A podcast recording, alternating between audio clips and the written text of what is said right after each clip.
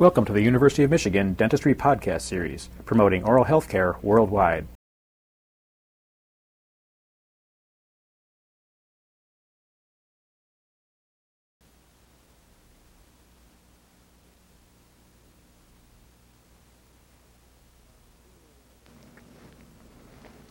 Continuing on the flat abdominal wall musculature, let's first look at very briefly the external abdominal oblique, which we have already studied in detail, reflecting it medialward, and we can then see the upward coursing internal abdominal oblique muscles coming off of the inguinal ligament and the anterior superior spine of the ilium.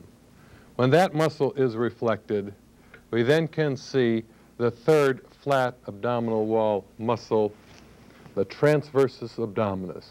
Its name arises from the fiber direction. And in the inguinal area, the transversus abdominis muscle, as we can see in overview, appears just like that of the internal abdominal oblique.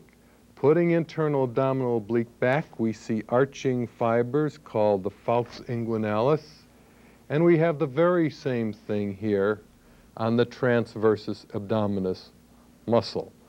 Falx inguinalis fibers that are joined together with those of the internal abdominal oblique, and I have separated them here for clarity. Between the pubic tubercle medially and the anterior superior spine above, we have the deep inguinal ring one half of the distance between the two. So the in deep inguinal ring lies just above the inguinal ligament and halfway between the pubic tubercle and the lateral anterior superior iliac spine. When we look at this again from above, we can see the spermatic cord as it is coming out from just beneath the fibers of origin of the transversus abdominis muscle. This is the deep inguinal ring. And the deep inguinal ring has here a contribution from the underside of the transversus abdominis wall, and it is the transversalis fascia with some fat in it that then will be the innermost wrapping around the spermatic cord. Now this transversalis fascia is not specific to the transversus abdominis muscle, but rather it is a fascia that lines the entire inner aspect of the abdominal cavity. And here again, the arching fibers of the falx portion of transversus abdominis. Now when we look at the spermatic cord, we should see, first of all, that by dissecting completely the structures and freeing them up and individualizing each one of them, we can identify the four structures of the spermatic cord.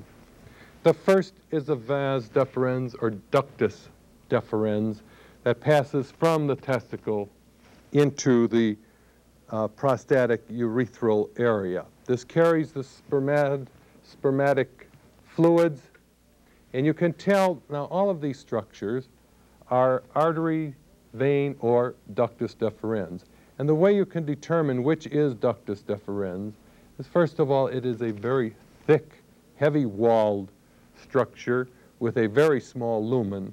And it is very, very dense. So when you roll these three structures that are easily seen here in your fingers, there's one that is relatively rigid, and thick.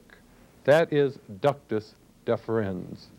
In addition to that, there will be an artery and vein crossing along in the spermatic cord. It is the deferential artery and vein. And along with that, there is a testicular artery and vein. And the venous portion of this testicular system tends to be multiple, tends to be hairnet-like, running all around and through uh, the spermatic cord, and it is also referred to as the pampiniform plexus. Once more in the inguinal area, we have the deep inguinal ring halfway down between its attachment points and the superficial ring which was found just above and lateral to the pubic tubercle. It, it lies on the inguinal ligament. This then is the floor of the inguinal canal. The canal extends again from superficial to deep ring. It is covered over by the fibers of the external abdominal oblique. Medially, of course, is its superficial ring.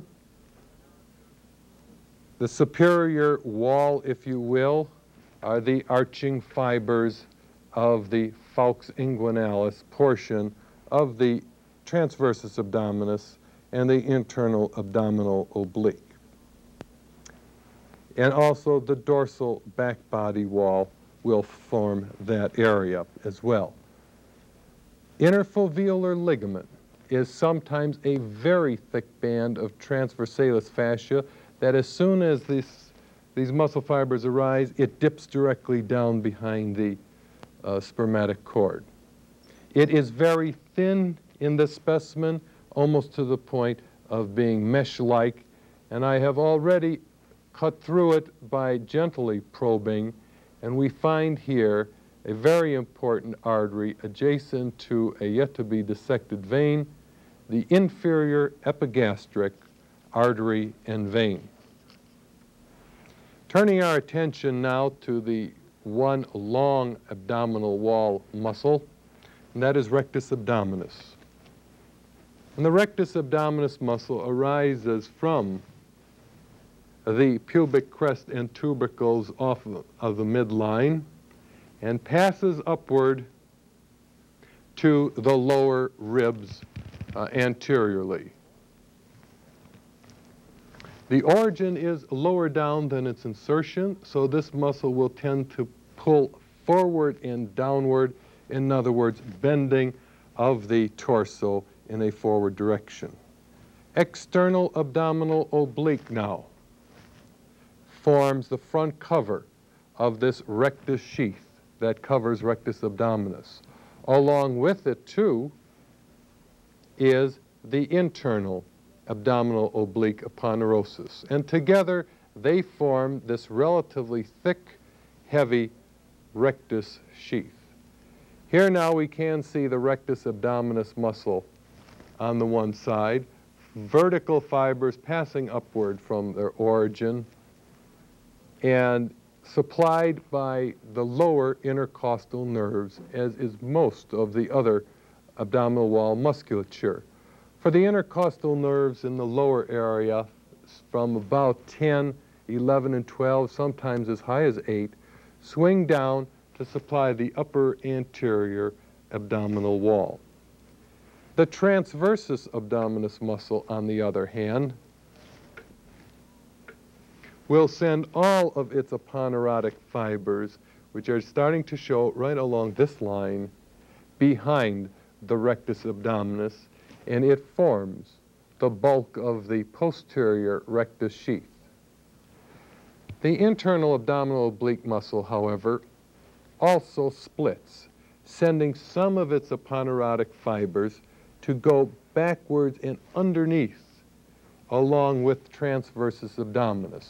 This is true in about the upper two-thirds of this rectus area. And it is in the lower one-third that it no longer does so so that all of the fibers of the internal abdominal oblique pass in front of the rectus abdominis muscle. Again, looking at the rectus sheath, you should free up both its medial and its lateral margins. And so that when you look at it inside view, we will be able to see beneath the muscle and you will be able to note arteries and veins coming in to supply it. And also this the inferior epigastric blood vessel that we saw just medial to the deep inguinal ring, passing upward for the major supply of rectus abdominis muscle.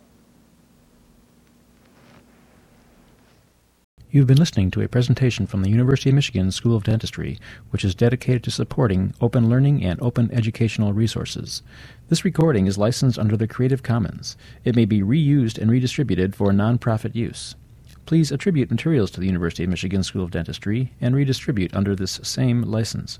For more information on how this and other University of Michigan School of Dentistry recordings may be used, visit www.dent.umich.edu/license.